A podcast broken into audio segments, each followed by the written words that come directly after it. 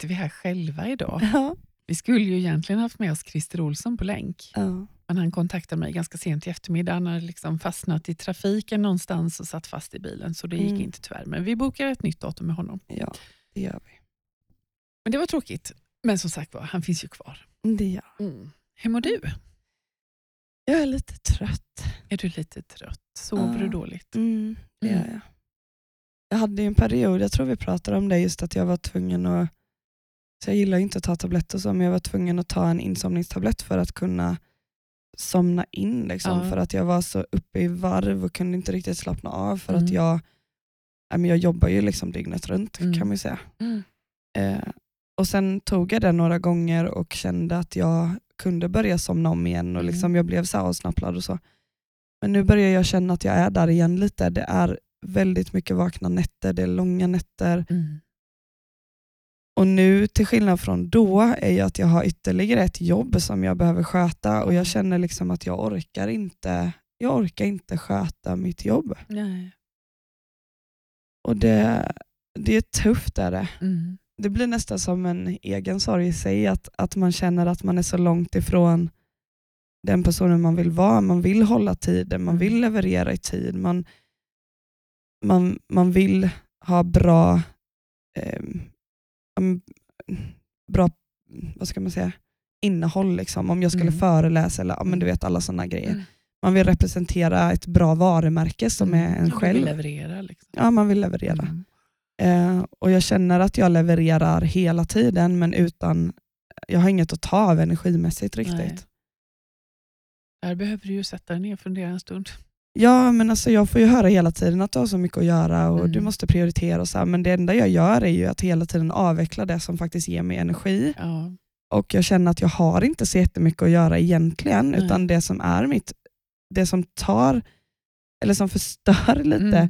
för mig är ju att jag får aldrig sova på nätterna. Hade jag bara fått göra det, då hade det inte varit att jag var så här trött. Men kan ni, alltså, finns det någon möjlighet för dig och Erik, tänker jag, att liksom, du går iväg. Jag har ju till och med sagt till dig någon gång, Ja. liksom, jag har ju extra sängar hemma hos mig, du Ja, får men komma till mig och precis. sova en natt. För men- sömn är ju så viktigt. Alltså, Jo, sömn, men det är ju det är farligt att inte sova också. Ja. Och jag har ju vid två tillfällen träffat läkare som har sagt till mig att de vill sjukskriva mig med beordring om att bara sova. Ja. Eh, För att jag har sån grov sömnbrist. Mm. Liksom. Ehm, Men det är ju svårt för att för det första så vill ju barnen ha mig. Så det funkar inte alltid med Erik. Mm. Och då skriker de rakt ut för att det är mamma de skriker efter och Mm. jag vill inte att de ska väcka de andra barnen när de Nej. sover och då blir det liksom att hela tiden Men tullar gör de man. det tror du även om inte du är hemma? Ja men då är det ju den saken att ehm, Erik är ju, han är döv på ena örat Mm. och det är ingenting jag håller emot honom liksom så men han ligger ju ofta med det döva örat uppåt för Mm. det blir så och då hör inte han. Nej. Och det är naturligt att han, han kan inte helt Nej. enkelt. Eh, och han, jag vet att han är stressad över det med för att han vill ju finnas där för mig och hjälpa till och allting. Och han säger alltid att jag ska väcka honom men han är också sjukt svårväckt och jag orkar inte. Det blir typ mer problem för mig att procedurmässigt väcka honom när Mm. barnen skriker. Alltså det är lättare för mig att bara göra. Ja. Men det blir eh, eh, det är lite moment 22 alltså. Mm. Och sen har jag problem med att, alltså som att du erbjuder att jag kan komma och sova Mm. liksom hemma hos er och så här. Och Jag är väldigt tacksam för det. Men jag har också problem i att slappna av när jag är borta för att jag vet att det tar så lång tid innan Erik vaknar och då Mm. blir det den känslan av att Gud, tänk om någon, något barn blir jättesjukt och han hör inte det. Eller, eh, liksom, eh, Men, men tänker du att han kanske vaknar lättare om inte du är där? han säger ju att han gör det, Ja, alltså, för men jag jag, har ju för- aldrig fått se det, så för hur ska jag mina- lita på det? För mina barns eh, pappa, han vaknar alltid väldigt lätt. Eh, Så, så där var det ju, det var inte så att jag inte vaknade, för det gjorde jag ju, men jag visste alltid att han vaknade. Men var han inte där, om- då vaknade jag ju mycket lättare. Mm. Så det, det tror jag ju någonstans på. Ja, men det kanske är så, men det är Mm. den här tilliten du vet till att Ja. våga lita på det. Att det blir lite dumt, för när man har sömnbrist så känner jag ju hur liksom känslor kopplat till sorg kickar igång och Mm. det blir också mycket katastroftänk och oro och liksom sådana saker. Mm. Och Det drar ju igång Mm. och det är svårt att stoppa det då. Ja. Så att, eh, men, och där blir det ju väldigt viktigt att jag måste på något sätt intellektuellt lyssna på det och inte på mina känslor. Ja, precis. Eh, och Det är en utmaning. Är det. Mm. Och Sen tänker jag också det här som jag vet, alltså att längta efter att det här att få börja jobba igen och, mm, och få liksom göra allt det där och sen så blir det de här motstridiga känslorna. Att jag har Mm. längtat så himla mycket men sen så ser jag att det funkar inte riktigt Nej, men precis, som och jag hade jag- tänkt mig. nej, men jag får ju också dåligt samvete gentemot min arbetsplats till exempel. Ja. Att då, här har de anställt någon för att de behövde mer pe- personer på Mm. företaget och så kan jag inte vara där och stötta upp som tanken Mm. var. Och, det blir en jäkla stress åt alla håll. Man räcker Mm. inte till någonstans. Så, ja, nej. Och, och den där är ju också rädslan över att inte räcka till. Den är ju lite frädisk också för jag Mm. tänker att vi räcker aldrig till för allting. nej. Det, det finns, det, vi gör aldrig det, men när vi säger det till oss, liksom, att vi räcker inte till, vi räcker inte till, då blir det ju någonting som vi tänker att vi skulle kunna göra. Mm. Vi skulle kunna räcka till. Ja. Och då liksom faller vi ju någonstans och tycker att ja, men det är fel. Och, alltså, det är någonstans mig det är fel på när jag inte räcker till. Men jag, nej. jag tänker innerligt att vi kommer aldrig räcka till nej, men så är det ju. överallt. Ja, och där är det ju de här motstridiga känslorna, Mm. eller att intellektet och känslorna inte riktigt samarbetar där. För man Nej, kan ju förstå precis. det intellektuellt, men Mm. känslomässigt så Mm. indikerar något annat. Ja. Ja, nej, men det är, eh, Du hade ju din fina middag i lördags. ja, det hade jag. ja. Middag för okända. Mm. Nej, men det var så häftigt Maria. Mm. Det var så häftigt och jag bara mös och jag fick så mycket energi av att göra det. Mm. Eh, lite känner jag att jag du vet, upp som en sol och ner som en pannkaka. lite den effekten. Men eh, Men du fick upp i solen i alla ja, fall. det fick jag verkligen. Ja. Och så mycket kärlek jag har fått efter detta. Så jag har Mm. känt mig så älskad och Mm. uppskattad och Mm. sedd. Alltså, det var helt fantastiskt. Sån Mm. jäkla boost. Mm. Alltså. Men det var jättehäftigt för att den gemensamma nämnaren, Ja. och jag vet inte om det är för att man själv nu jobbar med sorg, Mm. men alltså det är återkommande hela tiden. Det är som att eh, något nytt eh, fönster har öppnat sig. Liksom. Ja, att man ser det överallt Mm. nu. Men jag bad ju alla skriva ihop en liten eh, kort presentation om sig själva och i min, när jag skickade ut inbjudan så skrev jag också så här, och nu tänker ni så här, åh nej, vad ska jag skriva om mig själv? Och du vet, så, här, så det var några som hade blivit lite fnittriga och skrattat Mm. åt det, för att det var exakt vad de hade tänkt. Men då hade jag också skrivit några frågeställningar man kunde tänka på. Mm. Och Jag tycker det är lite tråkigt att så här, veta hur gammal någon är och hur många barn de har och, och var de bor. och du vet så här, Jag vill Mm. veta andra saker. Mm. Så jag hade skrivit lite andra grejer man kunde så här, fokusera Mm. på. Men alla som kom på middagen hade skrivit någon sorg. Ja. Men, men jag tänker att det är inte så konstigt. Nej, det kanske inte du. är det, men middagen var ju aldrig gjord för, utifrån att vi skulle prata sorg, men det blev ju såklart att vi gjorde Det det. är klart att ni gjorde. Men ja. det är så häftigt för där sitter vi liksom 12 personer som inte Mm. känner varandra och som, som knappt har träffat varandra. Jag hade ju träffat någon så, Mm. Men vi kände ju verkligen inte varandra. Vi hade aldrig umgåtts, alltså spenderat tid ihop. Nej. Och vi sitter där och har så fina samtal Mm. där vi delar med oss av saker som inte, alltså vissa sa ju det att de inte pratar öppet om detta med Nej, andra kanske nej. eller så. Häftigt. Ja, men alltså, det är då vi lär känna varandra, Mm. i mötet där vi vågar. Mm. Och också att all, alltså jättemånga av de som kom hade skrivit antingen någon dag innan eller på den dagen att säga jag är så nervös och här är utanför min comfort zone. Och det var också så jag tog upp den alla kom att ni alla bär på sorg och ni alla har skrivit att ni är nervösa för detta och att Mm. det är någonting nytt för er. Så att ni är inte ensamma i de här känslorna. Men det är det vi ofta tror när vi Ja. inte pratar. Ja, vad härligt. Jag Mm. hade ju också tänkt komma på Ja, den, men precis. mina barn var ju hemma, eller inte alla, men Patrick och Ebba och Bruno och Jonathan var hemma. Och Då bestämde jag mig för att jag skulle komma och bara säga hej och ta en liten skål. Så. Men alltså, vi var ute och gick en sån lång promenad, Patrick och jag, och när jag kom hem var så här, men gud jag orkar inte ens duscha. Nej. så jag ringde till dig, men jag hoppas du hälsade från Det mig. gjorde jag verkligen. Men hur mår du då? Jag mår bra, Ja. gör jag. Ehm, ja, livet fortgår eller vad säger du? Nej men alltså det är eh, otroligt mycket jobb. Mm. Eh, det är otroligt mycket jobb, men vilket jag ju tycker är så roligt så Mm. att jag säger ingenting om det. Men sen har jag också bestämt mig för att jag ska vara lite mer långledig i sommar. Ja. Så att jag behöver ju få in grejerna innan nu här. Men det är, det är mycket jobb, men roligt. Mm. Jag har haft Arbetsmiljöverket idag på besök Oj, eh, oj, på oj. Jonis assistans. Eh, Mm. Det var ett, eh, ett återbesök, för jag, de var hos oss i november. Så vi fick några punkter där som vi var tvungna att fixa till. Det var inga stora saker, men det Mm. var jättekul också. Och hon tyckte vi hade gjort ett helt fantastiskt arbete. Vad så det var ju kul. superkul. Så jag kände jag var jätteförberedd. Och Mm. det var roligt. Och Hon har verkligen, alltså hennes kommentarer i november har verkligen gjort också att jag har jobbat, eller vi ska säga, vi har jobbat och tagit fram saker så att liksom vårt arbete med det här arbetsmiljöarbetet det har blivit mycket lättare. Mm. Mycket mer självklart och mycket, ja så, så det var roligt. Kul. Nej, sen, nej men det är bra.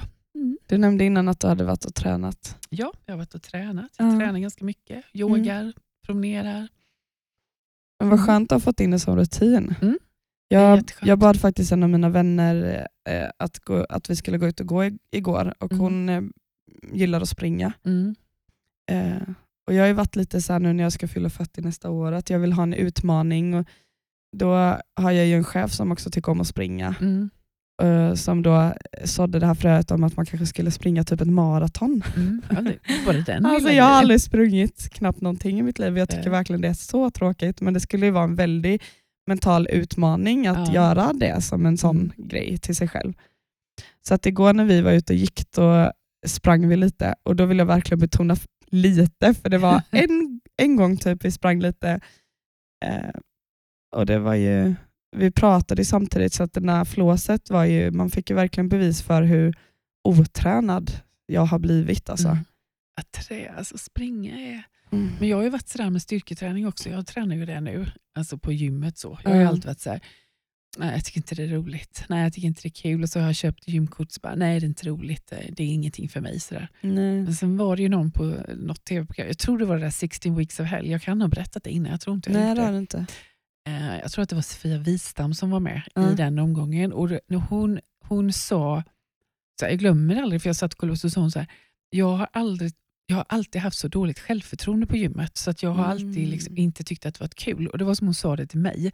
För då insåg jag att det här handlar inte om att jag inte tycker det är kul. Nej. Det handlar om att jag bara känner mig som en, som en jag vet inte vad när jag går in där. Så att, eh, när jag fick fatt i det, då, liksom, då känner jag inte så längre. Jag tycker Nej. det är jätteroligt nu. Vad bra. Mm. Sen har ju din sambo Erik har ju liksom varit där på Friskis i Nässjö och Ja, fixat det. till alla fantastiska maskiner. Och det. Ja, det är det är han som jättekul. har eh, ritat upp och byggt. Ja, precis. Jag tycker det är jättekul. Mm. Mm.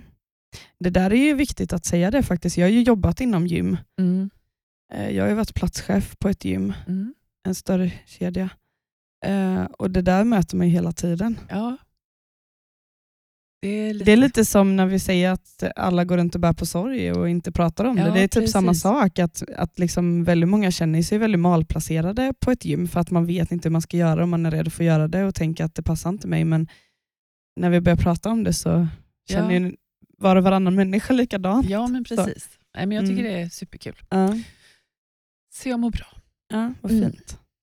Vi, vi fick ju snabbt ställa om lite för det här samtalet vi skulle ha Mm. idag. Mm. Men vi, fick ju, vi har ju fått lite frågor Mm. eh, från eh, lyssnare.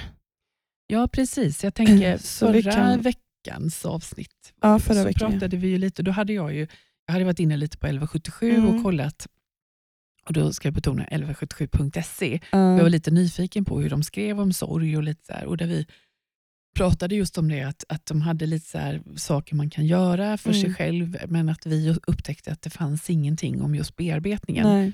Men då fick jag en liten kommentar där av en kvinna som jobbar som sjuksköterska Ja. på 1177, att hon ville liksom bara ge med oss att 1177, alltså de som jobbar med samtal, det Mm. är ju inte 1177.se, så de Nej. kanske har lite mer kunskap om det här med bearbetning och så. Mm. Eh, Men hon tyckte också att vi skulle kontakta, vem Ja. vi nu ska kontakta Ja, vet men jag precis. inte, men just, eh, våran ins- alltså just att säga det att det brister lite här. ja, just det. Så det får vi fundera på. Men eh, sa, hon, sa hon att de erbjöd bearbetning på 11? Nej, det sa hon inte så, Nej. men hon ville ändå betona att det är Betona skillnad. att det är två skillnad. Ja, precis. Mm. Mm. Så det lovade jag att vi skulle nämna. Ja. Ja, och, hon tyck, och hennes också, att vi kanske skulle ta tag i det Ja. och framföra det. Och det Så ju klokt. 1177.se, när ni hör detta nu så kontakta oss så vi kan Precis. erbjuda bearbetning. Ja, men exakt. Så Ja. man åtminstone kan ha med det på deras hemsida. där. Precis. Mm. Ja, fint. Sen hittade jag, eller hittade, jo men ibland så jag ser ju inte alla de här meddelandena som kommer. Du är lite bättre på det tror jag. Det var efter, eh, vad heter hon nu igen? Jenny Ann. Ja, Jennan, dödsstolen. Ja, dödsstolen Mm. var hos oss. Så har vi fått ett här också som jag tänkte att jag skulle läsa. Jag tyckte det var så fint. Mm. Eh, Det är från en tjej som heter Elin. Hej, lyssnade på senaste avsnittet igår. Allt, wow! Ni sa så mycket fint och gästen var magisk. Det är så spännande. Vänta, det måste komma upp. Det är så spännande och jag fick många nya tankar. Jag började gråta när, hon, när ni och hon pratade om att man ska få valet att se den döda just för att man skulle förstå. Min farmor dog i höstas och jag bor en bit bort och hon hann dö innan jag kom fram. Min pappa övertalade mig att inte se henne för jag tror att han tyckte det var läskigt när han varit där. Men när ni sa det där om konturen, eller bara en kroppsdel, så började tårarna rinna. För det är exakt det jag önskar i efterhand, att jag har fått hålla hennes hand en sista gång. Jag har gått sorgbearbetning med Maria och just under avsnittet så kände jag starkt att nu ska jag bearbeta relationen till farmor, vilket blir första relationen som jag ska bearbeta som jag inte upplever som problematisk. Jag ser fram emot det och jag kommer alltid bära med mig hennes ord om konturen. Det var så fint, hjärtat. Gud, jag blir typ tårögd nu. Ja, jag vet. Men alltså, det var ju det du fastnade väldigt mycket för också. Ju.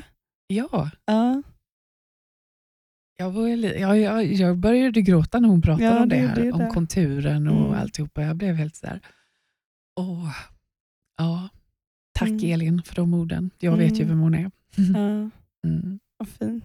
Det är väl en av de häftigaste grejerna med vårt jobb, tycker jag, att vi får träffa så fantastiskt fina människor liksom, Mm. som väljer att öppna upp sig och känna tillit till, Ja, verkligen. till oss i den, de här situationerna man Mm. går sorgbearbetning och så vidare. Det är, det är hedersamt, tycker jag. Ja, verkligen. Mm, det är det. Ja, det är häftigt. Jag, sa, jag pratade faktiskt med en tjej idag. Hon har gjort sorgbearbetning men inte hos dig eller mig utan hon har gjort det hos en annan person. Mm. Eh, för hon bor inte här i närheten och hon ville gå till någon fysiskt. Så, eh, vi, ja, jag vet inte om jag hjälpte henne hitta eller om hon hittade själv. Jag kommer faktiskt inte ihåg men det spelar egentligen ingen roll. Eh, men vi hade ett samtal idag i alla fall för att eh, de förlorade deras son Mm. eh, och de har ett år på tisdag. Mm. Så det är mycket känsla kring Mm, det. liksom. Eh, och eh, Då pratade vi just om, alltså jag sa nästan att jag ibland kan känna en tacksamhet och det låter lite dumt att säga det på ett sätt men jag hade aldrig mött alla de här människorna om inte Isolde hade dött. Nej. Så ur någonting så fruktansvärt Mm. och något man inte har valt själv Mm. så har ju ändå det kommit väldigt mycket fint ur det. Mm. Och Det är väl ett val jag har gjort antar jag, alltså eftersom att jag har Ja. anammat det här på något sätt, att jag har känt att jag vill få min röst hörd av Jo, det jag har lärt mig. Ja, men det, var- det var ju som Christer Olsson pratade om när jag var och lyssnade på hans föreläsning, där, just att, att skapa något meningsfullt Mm. ur det meningslösa, ur, Ja. ur det totala meningslösa. Mm. Det är ju det du gör, Ja. eller hur? Men hon beskrev också det att hon kände också att så här, det jobbet hon hade innan älskade hon och Mm. trivdes så bra, men nu när hon går dit, hon skulle ju varit föräldraledig egentligen Mm. nu, Eh, och nu när hon går dit så känner hon sån meningslöshet, att det är liksom inte det är inte detsamma längre. Hon känner att hon vill jobba mer med hälsa och välmående, för det är Mm. det hennes intresse ligger på nu. Hur ska Mm. hon må bra i sin sorg och, och liksom kunna finnas där för andra, sina andra barn och liksom sådana saker. Och, Mm. och, och hur ska de som par hitta varandra, för de sörjer också jätteolika. Ja. Ehm, och Det där är ju de ständiga frågorna känner jag lite. Mm. Mm. Visst är det så. Och Det som är häftigt i det är ju också att det är ingen skillnad. Alltså när hon beskriver hur hennes relationer med hennes eh, partner och liksom hur hon tänker och, och hur de försöker prata med varandra, det är ju, det är som att hon beskriver relationen mellan mig och Erik. Ja, men precis. Och jag tänker också, nu pratar ni, eller ni, du pratar ju också utifrån ifrån ett, av dödsfall, Ja, och, och, dödsfall av, av barn. Ja. Men, men jag, och- jag förringar det inte, så tar det Nej. inte så, men jag tänker, det, det är liksom, jag tänker i parrelationer så handlar det om om små sorger också. Som gör, jag, menar, jag tänker bara hemma hos mig. Liksom. Alltså, Ja. Det händer saker och vi sörjer, vi sörjer, vi bearbetar, vi hanterar det på olika sätt. Mm. Liksom. Den ena pratar utifrån känslan, den andra Ja. pratar utifrån intellekt. Det är inte lätt. Nej. Men jag tänker att det, det enda som är viktigt är ju att faktiskt prata och lyssna. Mm. Men det är väl det, om man benar ut allting, så den gemensamma nämnaren är att oavsett vilken sorg det är, Mm. så kan det bli konflikter i relationen i Ja. form av att den ena har just intellektuellt eh, tänkande och Mm. den andra har känslomässigt Visst. tänkande. Och att man uppfattar de här händelserna också på olika sätt. Eh, Ja, men man, man kanske fokuserar på någonting som man tycker är stort medan den Mm. andra tycker inte det var så farligt och så Nej. tvärtom. Och sådär. Nej, men precis. Det, Och där är det ju mycket att den ena kanske tänker på de positiva delarna medan den andra fokuserar mer på det negativa. mm. För att man är så rädd för att det ska hända igen och man försöker förbereda sig och kontrollera situationer och Mm. liksom sådana saker. Och Där har det ju mycket att göra med det som vi också får lära oss i sorgbearbetning när vi gör förlustdiagrammet, att vi Mm. ser vad är det vi har med för bagage in i det här. Ja, men visst. Jag tänker också på det här med längtan. Mm. Jag tänker som du och Erik, alltså en dag kanske han längtar jättemycket efter sin ålder och det gör inte du. Nej, precis. Och någon annan dag är det tvärtom. Ja. Mm. Mm. Ja. Och Jag tänker också mycket, vi fick eh, faktiskt, eh, det var ju Robin, vår producent, som, som sa innan Mm. att han hade fått frågan från två olika håll rätt nyligen om sorgen i samhället som är nu. Mm. Och Då tänkte jag lite knyta samman till det där med att känna sig tillräcklig. För vi lever ju i en värld, alltså det är två delar egentligen, men vi lever ju i en influencervärld, många unga som, Mm. som, eh, ja, som växer upp nu Mm. där det är mycket krav och man är aldrig tillräcklig i någonting. Man ska se ut på visst sätt Mm. eller man ska leverera på visst sätt. Eller liksom, ja. eh, och, och den andra delen i, i det som är ekonomi, krig, Ja. pandemier ja. och vad det alltså, gör. Ja, det är alltså jag, i stort sett, näst, jag ska inte säga alla, men väldigt många av de klienterna som jag möter nu, när man, vi pratar om sorg och det, så Mm. är det ju liksom det här som man pratar om, men sen blir det liksom, alltså just det här pandemin och sen direkt efter pandemin kom kriget i Ukraina, Mm. nu är det ekonomin och liksom inflation och räntor som höjs och det, det är oerhört mycket Mm. sorger. Ja, vi nämnde ju lite där innan här. Vi har ju ett, jag och Erik har ju ett eh, lån på vårt hus som går ut nu. Mm. Eh, Och när vi kikade på det så vi har väldigt låga lån, eller räntor på Mm. det lånet. Och Jag tror att, eh, jag kommer verkligen inte ihåg, men alltså jag tror ändå det var typ 6 000 kanske mer i månaden som Mm. det skulle kosta för oss om vi valde att binda det här lånet nu. Mm. Så att vi måste ju kolla nu om vi kan få liksom, amorteringsfritt. För att, och vi kommer inte binda heller, vi får ju ta rörligt, Ja. men den är också jättehög. Så Ja, ja, det kommer ju bli en, en ekonom, ekonomisk förändring för oss nu. Mm. Och, det, och Jag tänker om det blir det så ju för oss. Det är inte lite pengar. nej, liksom, var 6 hittar man 000. dem? Nej, men alltså, det är, alltså, jag, jag tror att jag liksom innan alltså på något sätt ändå har förstått att, att många sitter i ekonomiska svårigheter och måste sälja sina bostäder, men nu blev det så väldigt verkligt Mm. när det var för en själv att så här, shit, har vi ens kvar, råd att bo kvar i vårt hus? Mm. Eller har vi ens råd att bo någonstans om vi nu Mm. skulle behöva liksom sälja vårt hus? Mm. Har vi ens råd att bo i en hyresrätt? Mm. Alltså, eller, och vad får det för liv- livskvaliteter? Ja. Alltså, nu sitter inte vi där riktigt alltså, så, alltså, det är ju att dra det till sin spets, men det är ändå intressant för att skulle det vara fler lån som går ut nu, Mm. Då blir det mer pengar. ja men alltså, Mm. då är det ju kört. Mm. Det kan ju ingen hämta hem. Nej. Nej, men, och sen är det så här, jag, jag vet att jag nämnde till er innan, så här, när vi pratade om det, som jag, jag har inte tänkt på det så mycket, men jag kommer ihåg när vi, alltså min, eh, han som är pappa till mina barn, när vi Mm. köpte hus här i Nässjö, när 17 kan det ha varit? Ja, jag kommer inte ihåg. Oskar var, ja, jag vet inte, 90 någonting. Men alltså, jag vet vi tog över ett lån som var på 12,84 procent. Mm. Och då var det bara så. Ja. Och just det här med elen också. Jag kommer ihåg att jag satte aldrig på en tvättmaskin innan Nej. klockan 10 på vardagskvällarna för då var det billigare. Liksom. ja, just det. Men jag tänkte inte så mycket på det. Och jag kan inte riktigt komma ihåg när, när ändrades det här? Ja, Nej. räntorna vet jag ju, men just när ändrades det här tänket med... Ja, jag vet inte. Men, eh, mm. Nej, Men men, det det, jätte- nej, men det vet jag att, att liksom mina föräldrar när de köpte vår, alltså huset jag är uppvuxen i så vet jag ju också det att, att pappa har berättat många gånger hur, de, hur han slet liksom för att få ihop, ekonomin och betala av huset Mm. för att det var så höga lån på det. Ja, visst. Och Han var väldigt stolt över när han hade lyckats betala av det lånet Mm. för att då blev det en helt annan situation. Mm, mm. Nej, det är tufft. Och Mm. det här är ju sorg. Och Ja, det är ju oerhörda så Jag sorger. tänker förlust över att det inte blev som man hade tänkt sig. Man Ja. köper ett hus och sen så blir det helt förändrat. Ja, liksom. men och en av mina alltså, sorger kopplat till det är ju att inte kunna ge barnen, alltså jag känner ju ofta att jag har Mm. inte skaffat barn eller satt dem till världen för att de inte ska kunna ha varsitt rum. Nej. Eller att, eh, som nu fyller hela år, att inte hon ska kunna få önska sig och få att man vill ge henne det Mm. man vill ge. Alltså, utan att det ska styras av ekonomin. Ja, visst. Och Det blir en stress tycker jag. Mm. Ja. Ja.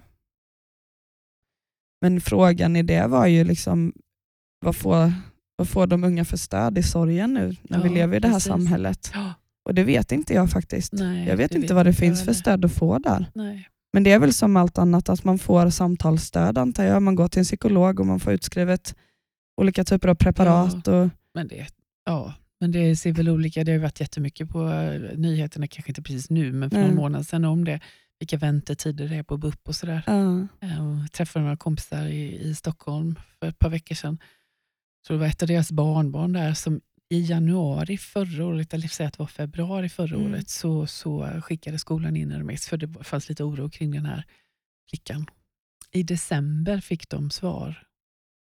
Alltså i december fick de första Dock ett, kontakten. ett år nästan senare. ett år. Ja, nästan Wow. ett år. Mm.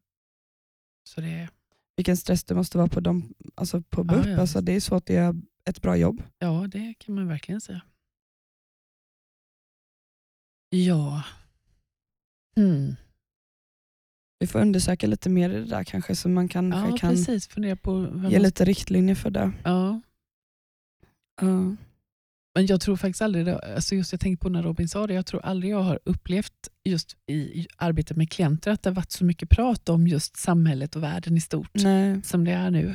Nej, och det vet jag två som var på min middag. Mm. Eh, en av dem hon eh, hade ju jätteproblem med post-covid Mm. och kände liksom att hennes, alltså hon var ju nedsatt i att kunna jobba och liksom leva så som hon gjorde innan. Ja. Och en av de andra uttryckte just den här oron över att man har små barn och vilken värld Mm. vi sätter dem i, alltså Mm. med naturen och katastrofer och Mm. liksom alla Mm. sådana delar. Mm. Så det finns ju omkring oss. Alltså, ja, ja, absolut. absolut. Mm. Ja. Men du har med dig en bok igen. Ja, det har jag. Igen. Nej, men det var... Eh, nej, men det var... I, mina barn var hemma i helgen, Patrick Mm. Så satt vi och pratade om och, lite och då eh, berättade de att eh, Gills veranda som går på SVT, att de hade Ja. släppt Gills veranda, alltså alla säsonger som man kunde titta på. Alla säsonger och då pratade de om eh, ett avsnitt där Christian Gidlund var med. Mhm. Vet du vem det är? Nej. Nej. Han, eh, han dog i cancer 17 september 2013. Han blev 29 år gammal. Okej. Eh, jag, jag, jag kan inte riktigt allt hur hans sjukdomsförlopp gick till och så, men jag, jag tror att det höll på några år i alla fall och liksom Mm. blev lite bättre och sen sämre sen. Och han eh, var ju han dels författare, journalist, men även musiker och han var trummis i eh, Sugar Plum Fairy, hette Mhm. den gruppen. Okej. Eh, och sommarpratade bland annat 2013. Och jag kommer ihåg att jag, eh, jag lyssnade på det sommarpratet 2013 och jag tyckte det var helt fantastiskt. Kommer Mm. jag ihåg. Oerhört fint. Men då när de berättade det här att han eh, eh, om det här Gills veranda, då kunde jag inte låta bli. Då. Så då i söndags kväll när jag hade liksom satt mig i soffan där så skulle kolla på något på tv så tittade jag på det. Mm. Och det var jättefint. Han pratade så, eh, vad ska jag säga, han pratade så vackert på något sätt Mm. Om liksom att han skulle dö. Och han, han pratade också väldigt generöst på ett sätt till de som skulle vara kvar. Wow. Eh, sin mamma och pappa och, och sådär. Mm. Ja, det var väldigt, väldigt fint. Jag kan varmt rekommendera att titta på det här programmet. Mm. Eh, Det var jättefint. Eh, Och han skrev också bland annat en bok som heter I kroppen min och jag har läst den för, för många år sedan. Jag kommer inte riktigt ihåg allt sådär, men den är också väldigt bra. Mm. Men jag eh, tittade i den lite idag och eh, hittade då de sista sidorna här som han har skrivit. Då har jag glömt mina läsglasögon här så att jag känner. um, kapitlet heter uh, Stilla, stilla. Jag ska lämna er en stilla natt, försiktigt i mörkret. I drömmarna kommer ni att känna en närhet, hur jag håller om er. Och när ni vaknar så kommer allt vara som vanligt, men ändå så annorlunda. Ni kommer att förenas i tårarna, känna gemenskap i sorgen, se det som en styrka tillsammans. Kom sen för att ta ett avsked, smek min kind, håll min hand, säg det ni vill säga. Vi kommer skiljas åt, men jag ska göra mitt bästa för att alltid finnas nära. Skräms inte när ni överraskas, överrumplas. Var inte rädda när en närvaro gör sig påmind. När energierna känns annorlunda. Det kanske bara är jag. Min familj, mina vänner, i mitt hjärtas slag. En dag ska vi ses. En dag ska vi återförenas.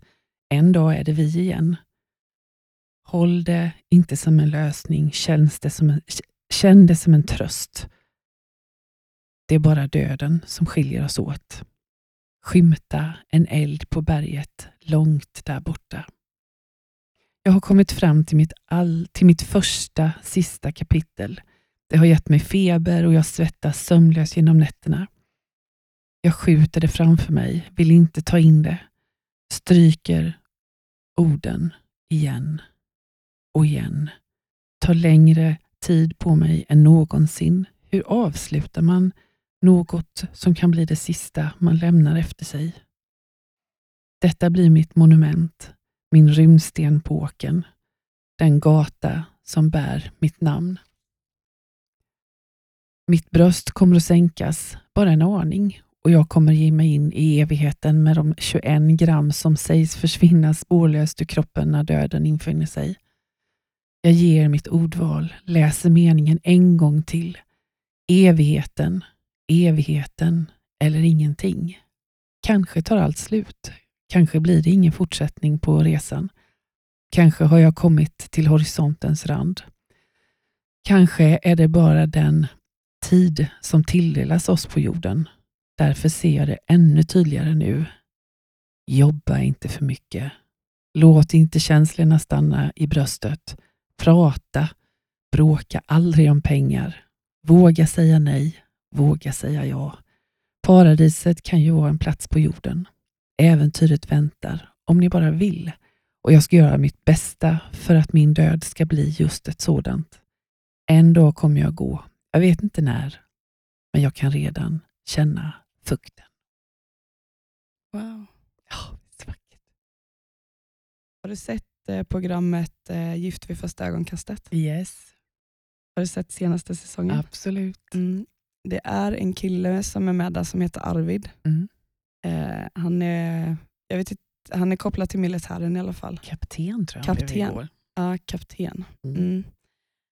Han skrev in till Agneta Sjödin och fick vara med i hennes podd. Mm. Och De har ett så vackert samtal. Mm. Det var länge sedan jag hörde ett så vackert samtal mellan två Mm. människor. Roligt. Och Han har gjort en sån häftig resa liksom inre mässigt. Eh, eh, han har förlorat eh, en väldigt nära person. Och han har också gjort sorgbearbetning faktiskt vid Svenska institutet. Mm. Ehm, och Jag skrev faktiskt till honom och tackade för att han delade med sig så öppet. Eh, och Jag frågade också om han ville vara med- i vår podd. För att jag tänker att det skulle vara ett så fint samtal. Mm. Och även resan han gör nu, alltså bara kasta sig in i att gifta sig så vid första ögonkastet Mm. skapar också väldigt många känslor och utmaningar visst. och blir en väldig utveckling. Mm. Eh, Så vi får se. Mm. Han har svarat, vi har haft fint samtal ihop. Mm. Men vi får se om jag lyckas få med han. Vad härligt. Ja, Vi får tacka Christian Gidlund ja det får vi och göra. kolla på Gills veranda där. Ja, Ska vi avsluta med hans ord igen? ja, gör det. Han skrev, därför ser jag det ännu tydligare nu. Jobba inte för mycket. Låt inte känslorna stanna i bröstet. Prata. Bråka aldrig om pengar. Våga säga nej och våga säga ja.